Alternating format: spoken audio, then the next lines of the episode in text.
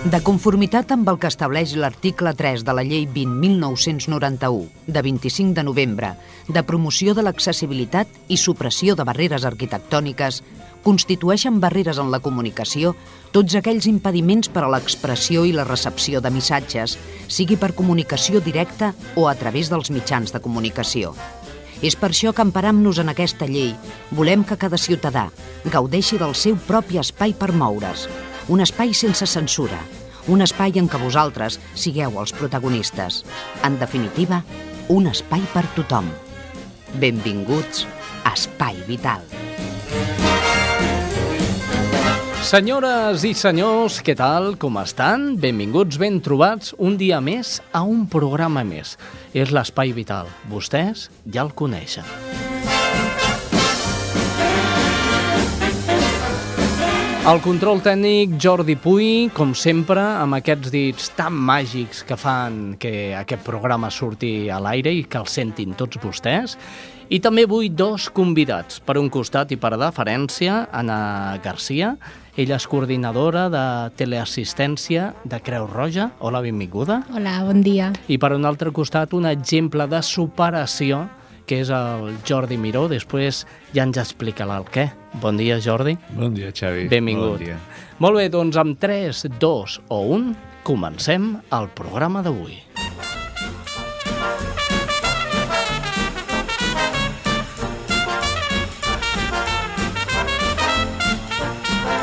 Espai Vital. I des de Ripollet, Cerdanyola, Montcada, Barberà, Santa Perpètua i Sabadell. Molt bé, us parlava de la Anna Garcia i del Jordi Miró, que m'acompanyen. Començarem amb l'Anna Garcia, per deferència, Jordi, si no et sap greu. Gens de greu. Eh, gens ni mica. L'Anna Garcia, dèiem, coordinadora de teleassistència mòbil, o no, o teleassistència... Bueno, ara, ara en parlem amb ella. Sí. Eh? Mm, Anna, eh, la teleassistència o la teleassistència mòbil?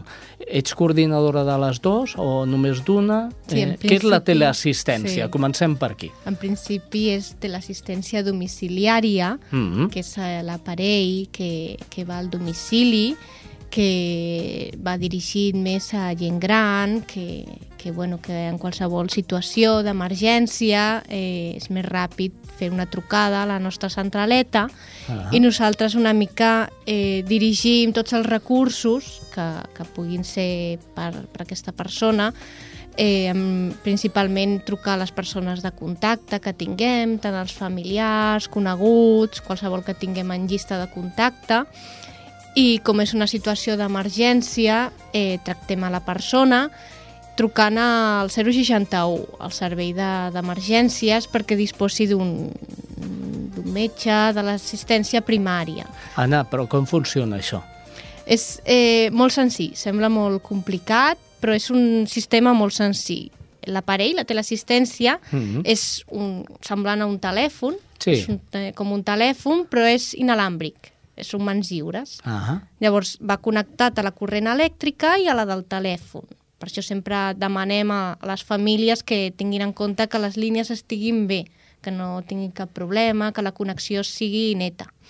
Llavors la persona usuària porta com un medalló, que és molt lleuger, que, que no molesta ni per dormir, fins i tot a l'hora de dutxar-se mm, ho pots tenir sobre perquè amb el material no es fa malbé amb l'aigua. no en rampa, no?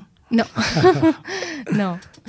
I, bueno, aquest medalló, que, que és un botonet vermell, eh, en qualsevol indret del domicili, per això és la teleassistència domiciliària, eh, pot fer la trucada d'emergència.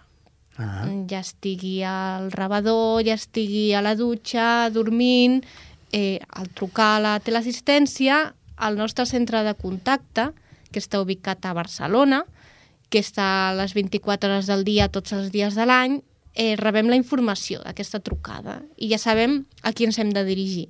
Si és el senyor, senyora tal, a on viu, quines són les seves persones de contacte i sobretot quines són les... Eh, el, que hem de tenir més present a nivell de salut, que és el que hem de tenir molt present per, eh, per fer la rapidesa d'aquesta trucada. Llavors, nosaltres eh, bueno, quan l'agafa la centraleta diu senyor, senyora tal, amb el nom, eh, què passa, com es troba... Llavors, eh, si nosaltres obtenim resposta, és més fàcil fer la valoració, eh, acompanyar la persona mentre ve l'ajuda la, i, i bueno, no, esperar que tot estigui solventat. Si no eh, rebem resposta, continuem amb la trucada oberta per veure si, si, si que podem obtenir informació, però el protocol és la trucada d'emergència de seguida ah. que seria doncs, això, no? els contactes i el servei d'ambulància. Ah, però no tothom té la capacitat per, per apretar un botó. Per això, a l'hora de fer la, la inscripció, la, el que és la, la primera fitxa de demanda, mm -hmm. sempre fem els requisits de ah. que la persona tingui les capacitats hàbils per saber utilitzar aquest servei sobretot en nivells de, de demència senil, d'Alzheimer, en què en aquests processos sempre ho desestimem perquè pot ser que tingui aquest botó i que no recordi que té aquest botó o que no recordi com funciona. És com un requisit que sàpiga el funcionament per poder fer la instal·lació i que estigui en una seguretat de que... Però això vol dir que, que si no pot apretar el botó eh, no té assistència?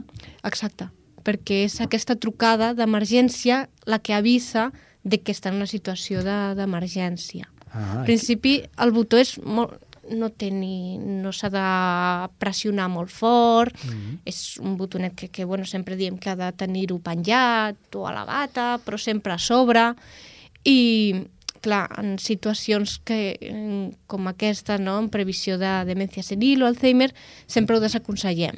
Uh -huh en altres situacions doncs, és que és molt senzill, és una, un aparell molt senzill d'ubicar i de fer servir. Molt bé, ja tenim la persona malalta controlada mm. dintre de casa, però um, ara anem una miqueta més enllà. Sí. La persona es mou per, mm -hmm. per la mm-hmm. seva població o per diverses poblacions arreu de Catalunya. Sí. Eh, com controlem? Perquè aquí l'assistència domiciliària no seria. No, ja no serveix, ja és només ubicat a, a casa. Nosaltres, al veure des de Creu Roja aquesta necessitat per cobrir aquesta teleassistència també fora al carrer, doncs hem eh, previst fer la teleassistència mòbil que ja funcionava en víctimes de violència de gènere. És ah. un mòbil, mm. és semblant a qualsevol mòbil que puguem tenir. Eh, L'únic que serveix és per rebre les trucades des de la centraleta i per nosaltres trucar en d'emergència, en situacions d'emergència. Uh -huh. La facilitat d'aquest mòbil és que té una posició GPS. Llavors sempre t'ubica on, on et trobes, en tot el territori espanyol. Llavors, eh, tu pots estar a Barcelona com pots estar a Sòria, per sí. dir alguna cosa, que et reben la trucada des de la centraleta més propera al, on està el dispositiu mòbil, mm -hmm. en, aquest seria, en aquest cas seria Sòria o, sí. o, o Barcelona, i t'ubica la teva posició on, on et trobes, en quin carrer et trobes, on, on, en, en quin, on estàs. I a part, eh, bueno, eh, et contesten amb el teu nom, amb les teves característiques, perquè ja, ja et coneixen amb la fitxa d'alta, i et gestionen el recurs que necessitis. Ja pot ser l'ambulància, ja pot ser informar els, els els centres sanitaris? Els centres sanitaris, els contactes de, de lo que t'està passant. Uh -huh. Aquest servei de l'assistència eh, mòbil, eh, clar, estava molt ubicada en les persones, amb les dones de violència de gènere. El uh -huh. que hem vist que hi ha aquest col·lectiu per cobrir, que són persones grans o persones dependents, que, tot i que siguin dependents, tenen una certa autonomia, que facilita doncs, tant anar a comprar com anar de vacances com sortir al carrer. I, clar, la domiciliària només t'ubica al domicili. I aquesta és la part que, que volem també cobrir, el, la part de, del carrer. Aquest projecte, el, la teleassistència mòbil per gent gran, per gent dependent, eh, l'hem iniciat aquest estiu. En principi és un projecte relativament nou per a aquest sector. I, bueno, la previsió és bona d'aquests pocs mesos de, que tenim aquest servei, al nostre territori només tenim dos per ara, però la resposta per tota Catalunya ha estat força bona. Ah, és a dir, que donem, donem un 10, no? Amb aquest No sé si sistema. un 10, però, però bueno, la previsió és que és bona. És... Una previsió bona que seguirem parlant d'aquí a breus instants. Fa un mes tenia dos fills. Ara també. Fa un mes m'encantava passejar. Ara també. Fa un mes em quedava dormida cada nit davant de la tele. Ara també. Fa un mes em van diagnosticar esquizofrènia. Fa un segon, jo era la mateixa persona que ara, però tu potser ja no em veus igual. Per la salut mental, no a la discriminació, sí a les persones. Obertament.org He tenido muy poca autoestima, muchas inseguridades y sigo sintiéndome poquita cosa al lado de los demás. Soc Mercè, afectada de psoriasi i membre d'Acció Psoriasi.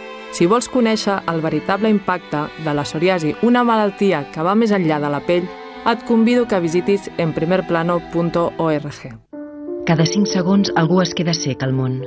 Cada minut, un nen. El 75% d'aquesta ceguesa es pot prevenir o curar. La Fundació Ulls del Món lluita contra la ceguesa evitable en territoris sense recursos. Ajuda'ns a fer arribar a més ulls el dret a la visió. Ulls del Món.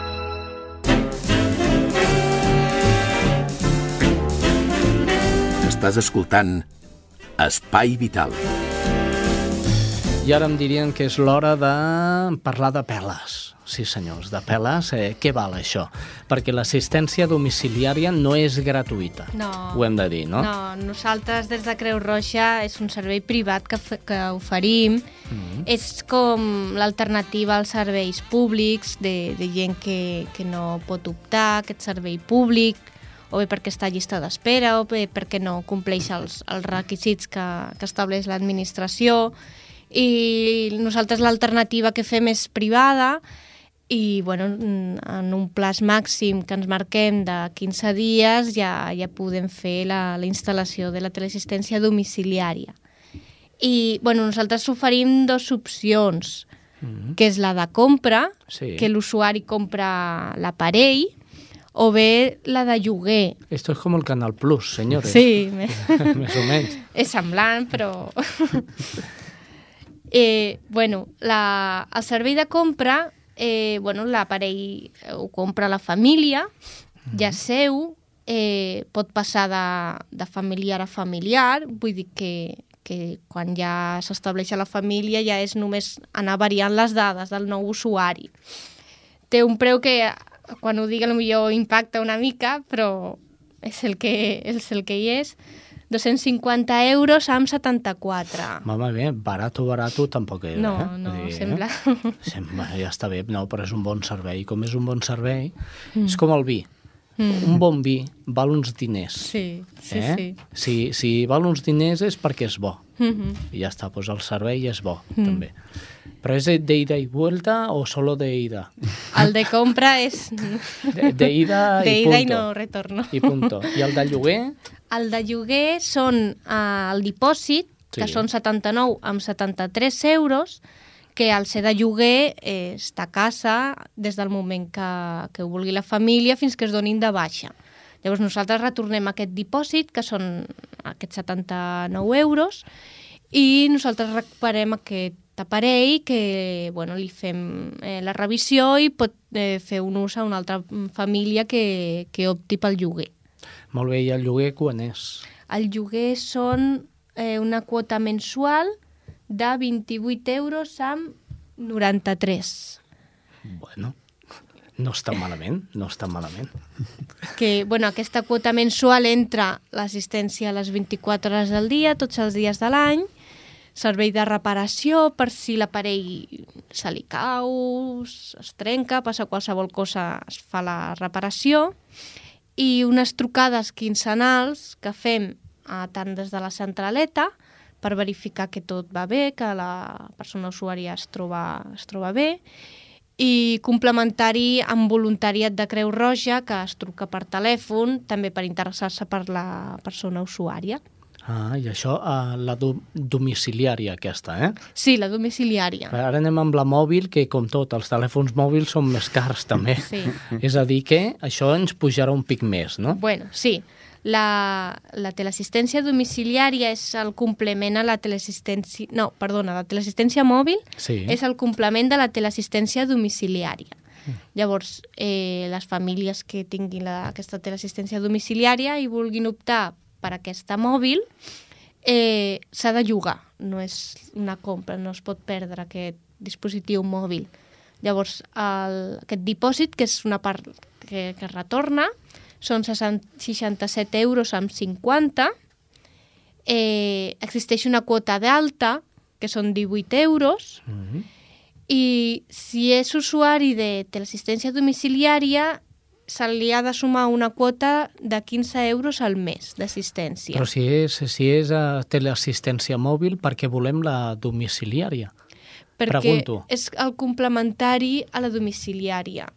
Clar, eh, la domiciliària té les seves avantatges i, les, i els seus com, problemes, inconvenients. Mm. Avantatge és que cobreix el domicili, la casa, però al carrer no pots. El mòbil, l'avantatge que, que, bueno, que cobreix tot en casa com, com al carrer. Però, clar, és un mòbil. La posició GPS en una casa no ubica, no té la, la ubicació si estàs dintre d'un edifici. Està molt pensat per, pel carrer, si no, no, no t'ubica.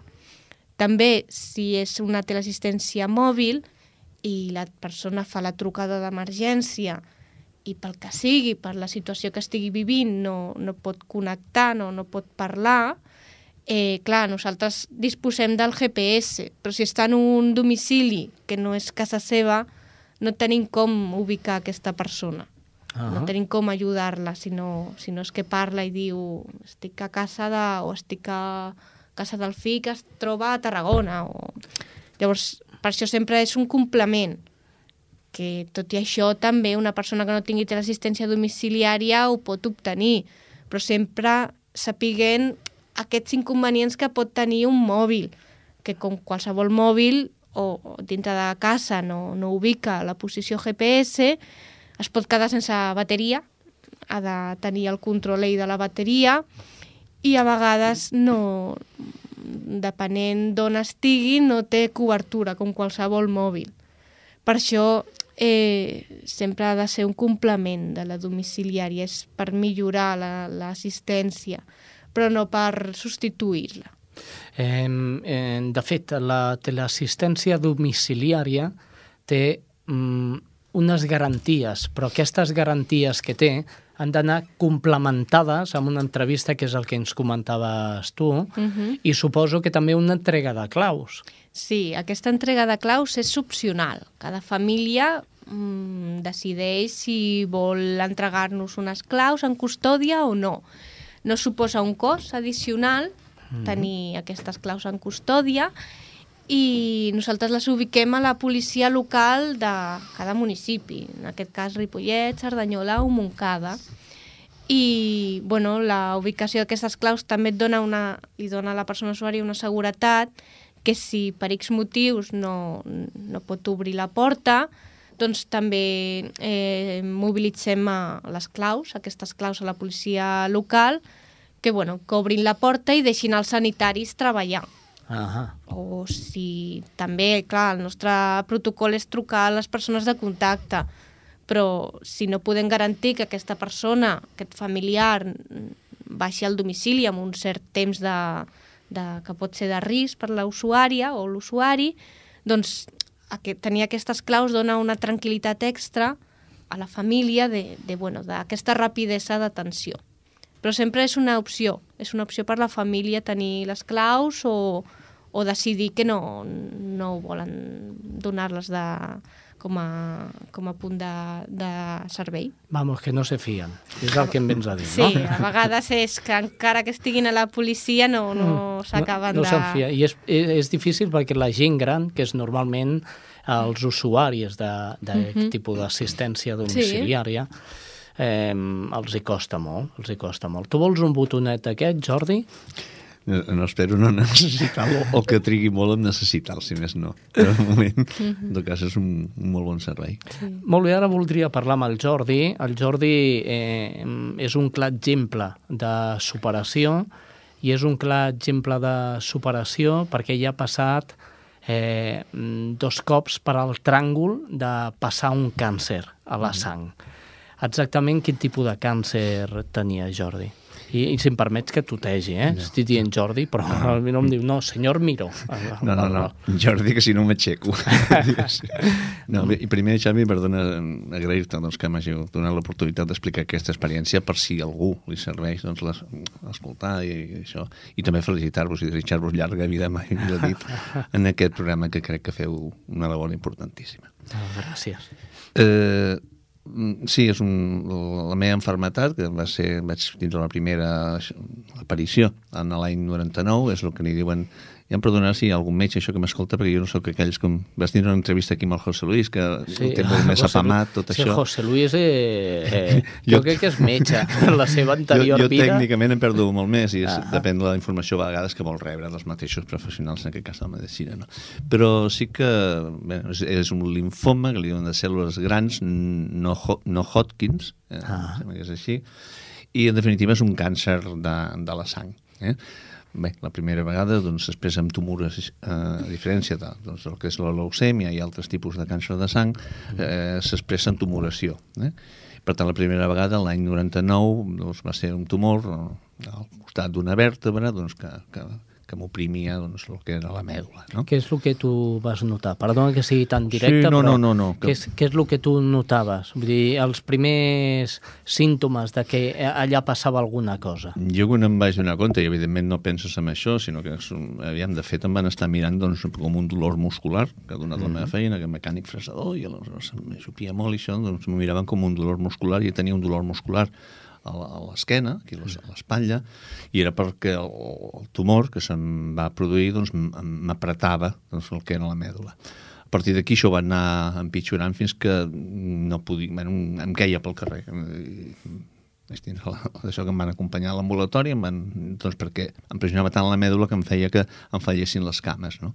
Ah. A part, doncs, d'una forta pressió, el que és a la cintura, que com, com si t'estranyessin, no? Com si t'estrangulessin una mica l'abdomen, no?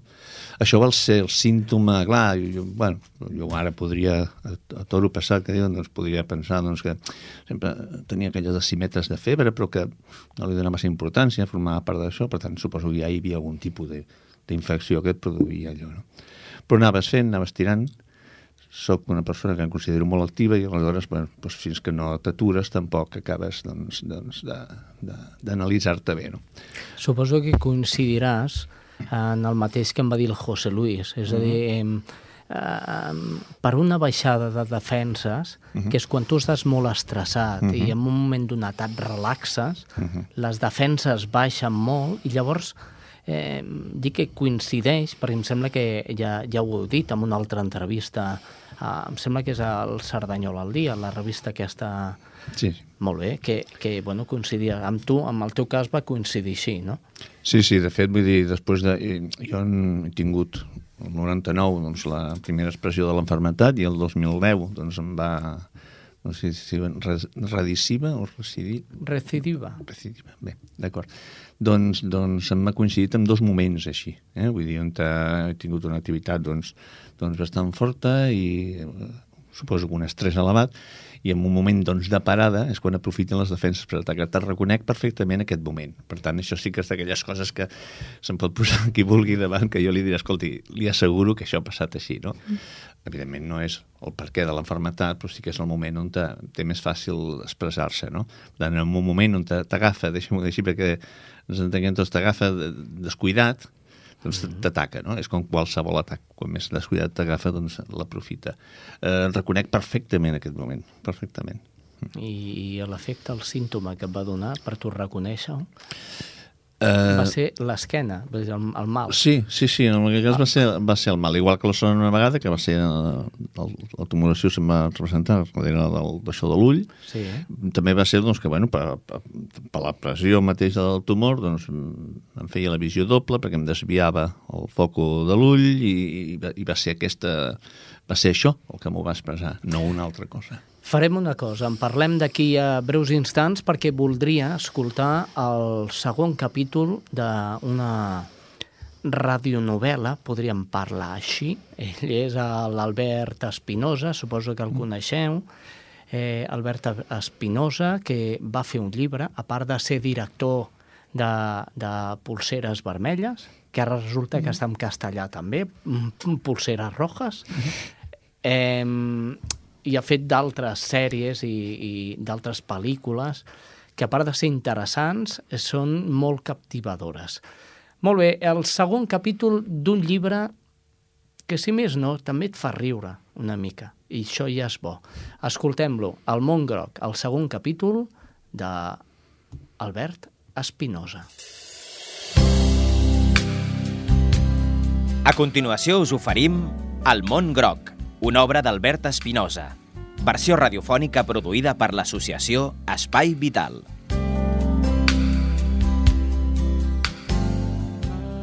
Què és el món groc?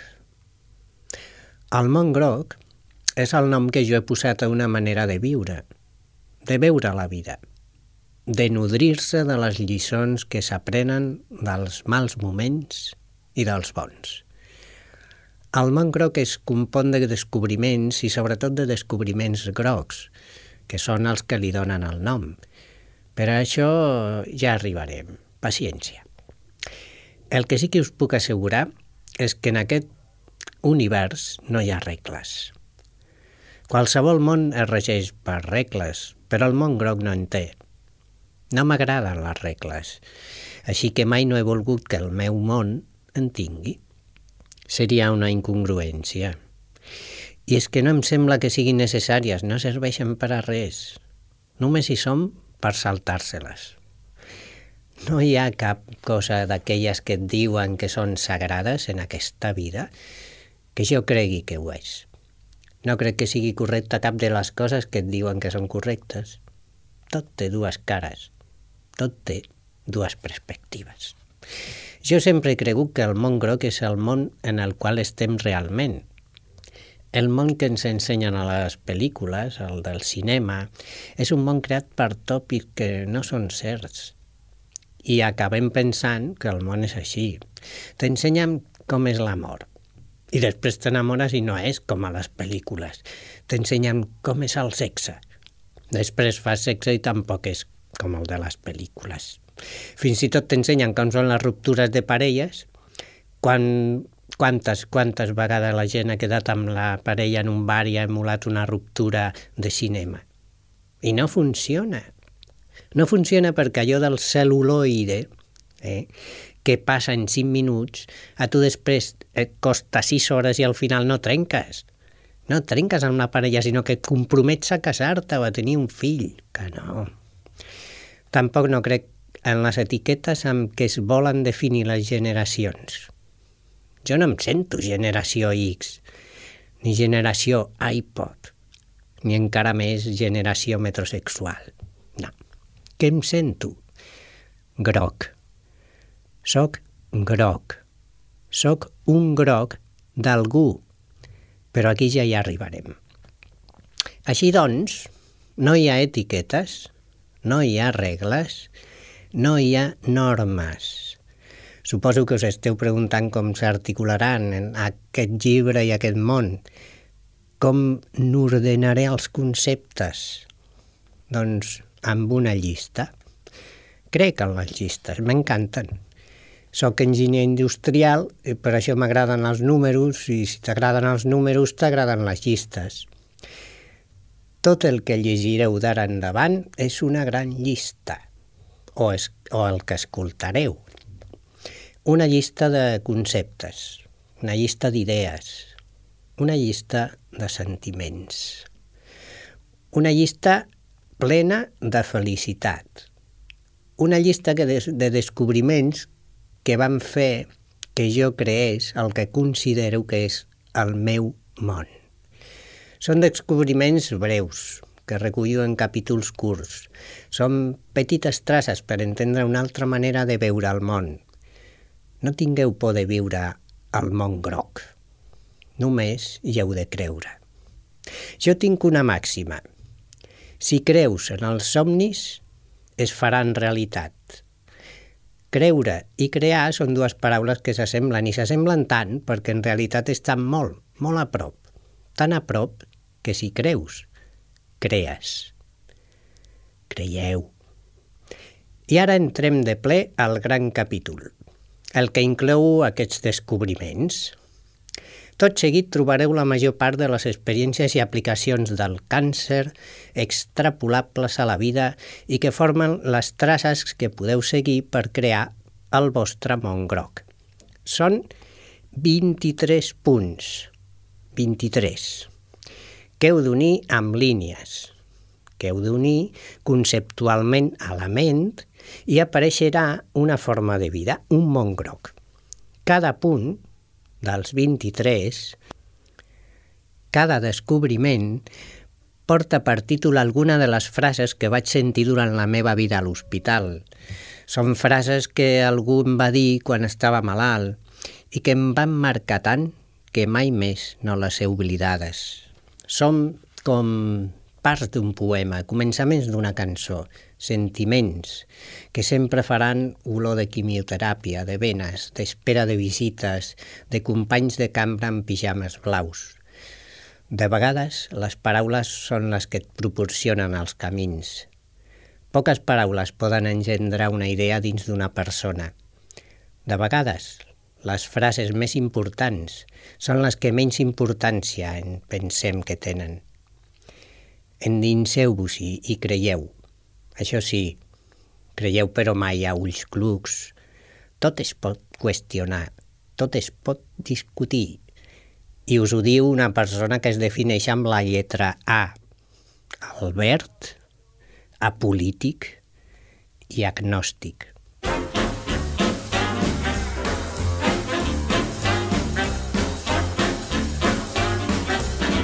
Espai Vital, el primer programa adaptat de les zones.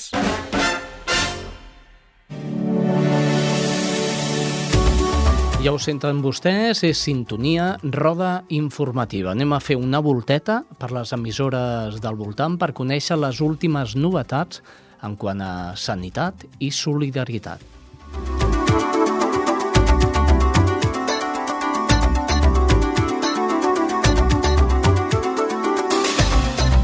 Comencem amb Ripollet. Allà es troba la Rem Herrera i aquesta és la seva crònica.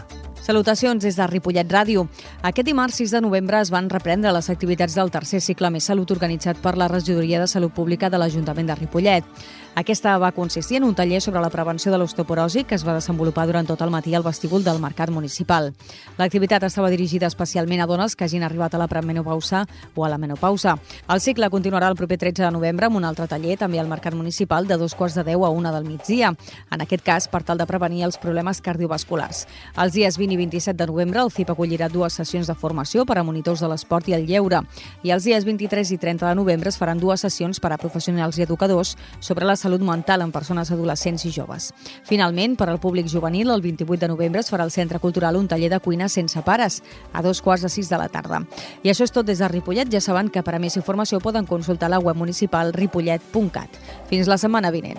Gràcies, Rem Herrera. I de Ripollet anem corrent, corrent cap a Cerdanyola. Allà es troba la Rosa Morante. Hola, avui des de Cerdanyola Ràdio us expliquem que la commemoració del Dia del Càncer de Mama passa a ser programa municipal estable a Cerdanyola. El passat 19 d'octubre es commemorava el Dia Mundial contra el Càncer de Mama. L'Ajuntament de Cerdanyola dedicava un programa d'activitats al llarg d'aquella setmana amb l'objectiu d'impulsar la prevenció envers la que és la primera causa de càncer entre les dones de Catalunya i en els països desenvolupats.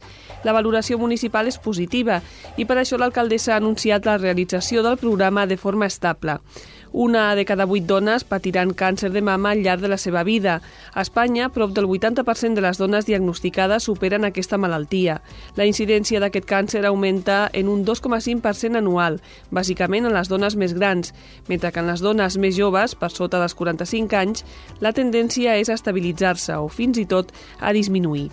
L'objectiu principal de la jornada és conscienciar les dones d'arreu del món perquè participin activament en totes les campanyes de detecció precoç d'aquesta malaltia, ja que com més aviat se'n realitza un diagnòstic, més fàcil és erradicar-la del cos. L'alcaldessa de Cerdanyola, Carme Carmona, indica que les activitats realitzades a la ciutat dins d'aquest programa commemoratiu han estat positives, perquè fan, diu, visible la importància de la prevenció i també de la creació de xarxes en què les dones puguin compartir les seves experiències. Una xerrada informativa iniciativa va servir també per deixar palesa la preocupació de dones de Cerdanyola davant possibles retallades en la prevenció a través de la reducció de les revisions periòdiques. I això és tot per avui. Fins la setmana que ve. Gràcies, Rosa Morante, Cerdanyola Ràdio. D'allà ens n'anem cap a Montcada, però no abans d'anar cap a Montcada, comentar-vos que des del dia 3 i fins al 10 de novembre les principals fonts de Barcelona s'il·luminen de vermell amb motiu de la segona setmana de l'ús racional de la sang. Aquesta acció pretén informar sobre la importància d'optimitzar un recurs no fabricable, com és la sang, alhora que també mm, eh, en representació del càncer de mama, que aquests dies hem tingut mm, moltes activitats per commemorar aquest dia. Molt bé, doncs de Cerdanyola anem una miqueta més cap avall, és Montcada Ràdio, allà ens atén, ens fa la crònica la Laura Grau. Salutacions des de Montcada Ràdio a l'Espai Vital. Avui ens fem ressò d'una campanya que vol iniciar l'Ajuntament de Montcada per evitar que les grans superfícies llencin menjar a punt de caducar ara que hi ha tantes famílies que tenen dificultats per arribar a fi de mes i per fer la compra bàsica d'aliments. La proposta que ha posat sobre la taula la coalició Iniciativa Verds EUIA a través d'una moció al ple de l'Ajuntament compta amb el suport de l'Associació de Discapacitats de Montcada i Reixac, Adimir.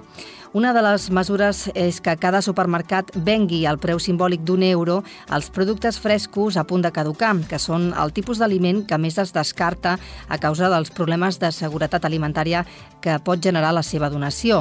No està clara encara quina serà la fórmula que se seguirà per aplicar aquesta campanya. El que sí ha manifestat el govern local, format per socialistes i convergents, és que estudiarà les fórmules que poden proposar els establiments per evitar que es desfacin de menjar apte per al consum.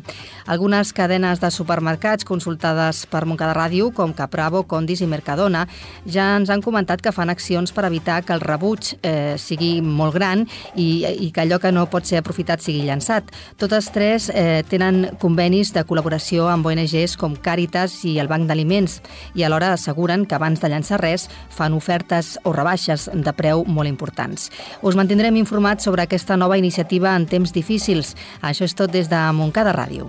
Gràcies, Laura Grau, Montcada Ràdio i de Montcada anem corrent, corrent cap a ben amunt, a Sabadell. Allà es troba la Karen Madrid, és l'última de la roda informativa. Salutacions des de Sabadell. La crisi econòmica també està passant factura als pacients de càncer. Segons l'entitat Oncolliga Sabadell, cada cop hi ha més afectats per aquesta patologia que no es poden pagar els fàrmacs derivats del tractament. Per exemple, els pacients terminals que necessiten uns medicaments molt forts. I és que en molts casos el malalt era l'únic de la família que treballava i a causa de la patologia s'ha vist obligat a deixar la feina. En aquests casos, Oncolliga subvenciona el 100% dels fàrmacs i en alguna ocasió també ha hagut d'assumir factures factures o lloguers. En els sis anys que fa que l'entitat treballa a la ciutat, mai s'havia trobat una situació com aquesta. És tot des de Sabadell.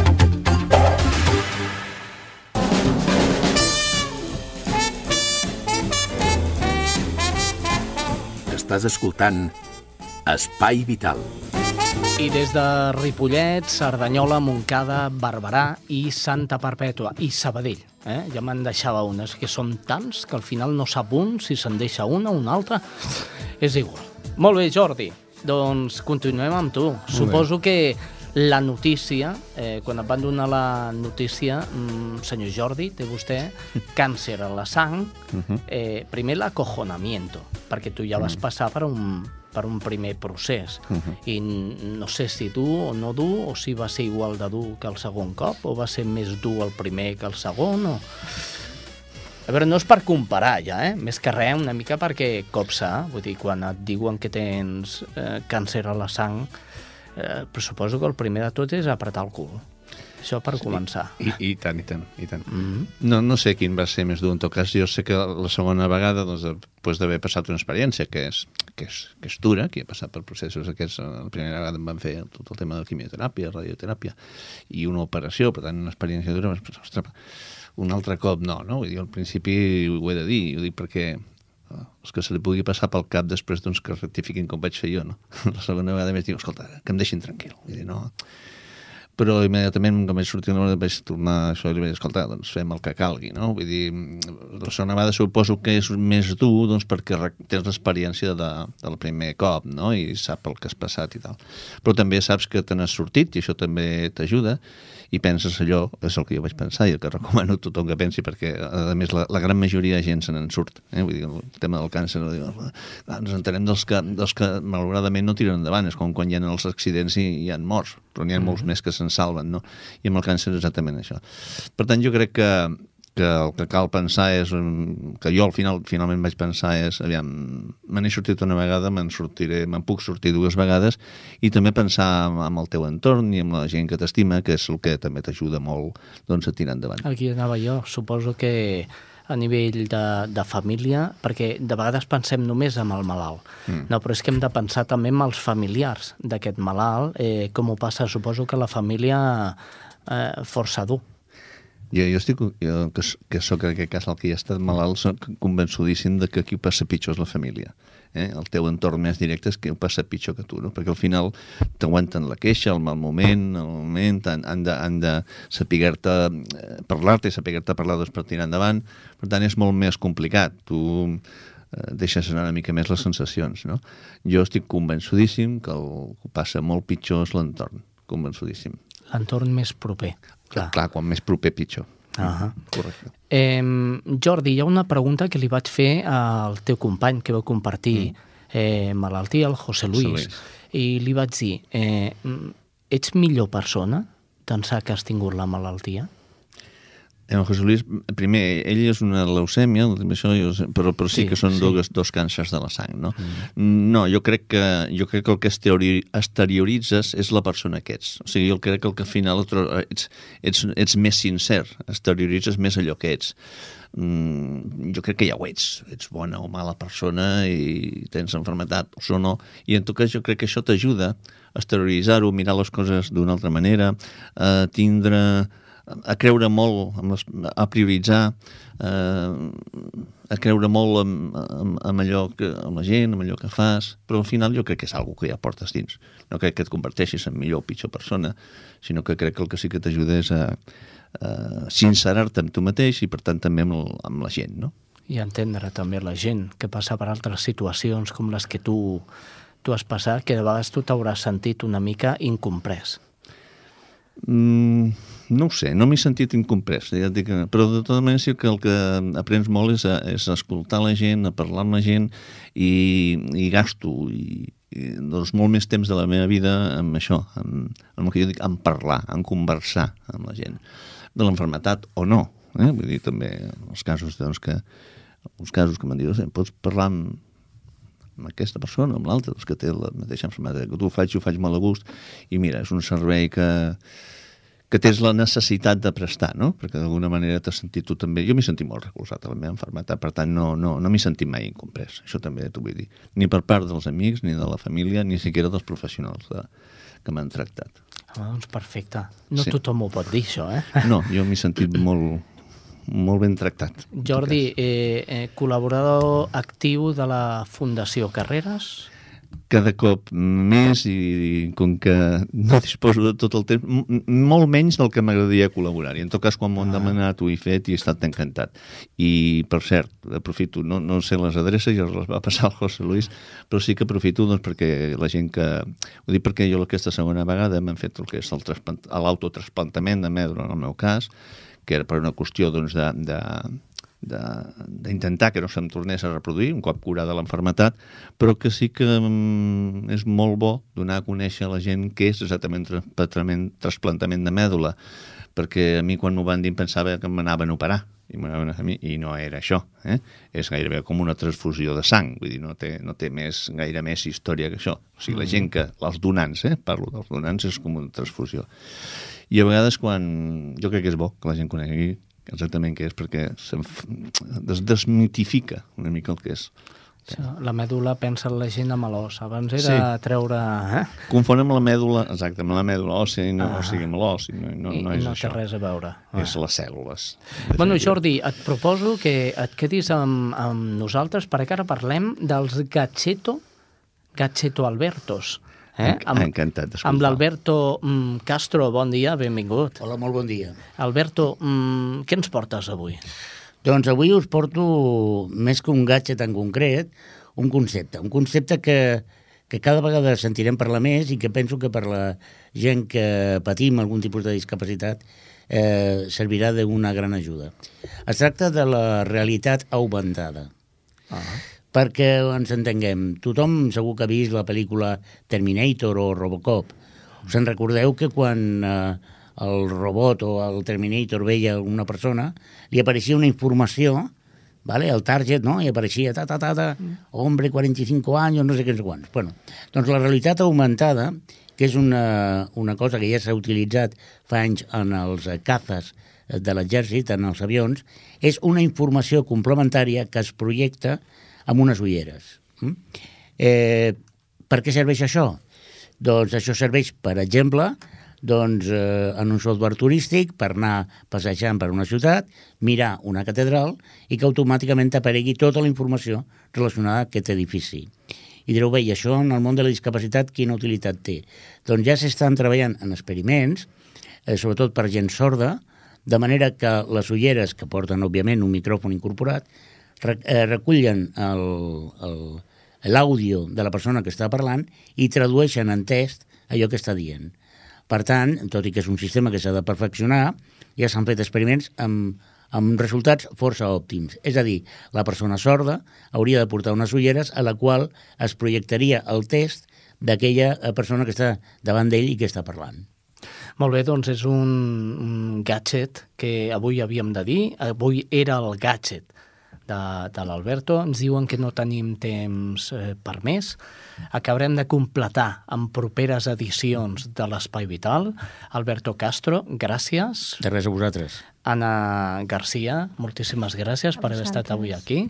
I Jordi Midó, moltíssimes gràcies per haver estat Vosaltres, avui. a vosaltres. Molt bé, us vull deixar mm, amb música. Música mm, de la veu de Pablo Alborán. Jo he escollit un tema, es diu Perdóname. I si ho hem fet malament, perdoneu-me. La setmana vinent hi tornem a estar. Adéu-siau. Si alguna vez preguntas el por qué, sabré decirte la razón. Yo no la sé, por eso y más, perdóname. Si alguna vez maldicen nuestro amor, comprenderé tu corazón. Tú no me entenderás, por eso y más, perdóname. Y una sola palabra más, no más besos al alba ni una sola caricia habrá. Esto se acaba aquí, no hay manera ni forma de decir que sí, ni una sola palabra más. No más besos al alba, ni una sola caricia habrá. Esto se acaba aquí, no hay manera ni forma de decir que sí. Si alguna vez creíste que por ti o por tu culpa me marché, no fuiste tú. Por eso y más, perdóname si alguna vez te hice sonreír. Creíste poco a poco en mí, fui yo, lo sé por eso y más. Perdóname.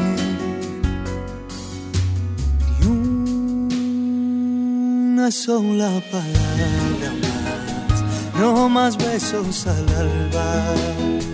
Ni una sola caricia habrá. Esto se acaba aquí, no hay manera ni forma de decir que sin ni una sola palabra más, no más besos al alba, ni una sola caricia habrá. Esto se acaba aquí, no hay manera ni forma de decir que sí. Siento volverte loca, darte el veneno de mi boca. Siento tener que irme así, sin decirte adiós. Siento volverte loca, darte el veneno de mi boca. Siento tener que irme así, sin decirte adiós.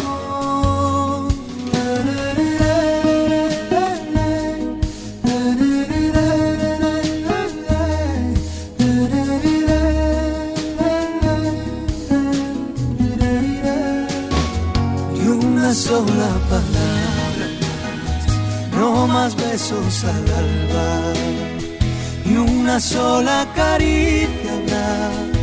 Esto se acaba aquí, no hay manera ni forma de decir que sin una sola palabra más, no más besos al alba, ni una sola caricia habrá. Esto se acaba aquí, no hay manera ni forma de decir que sí.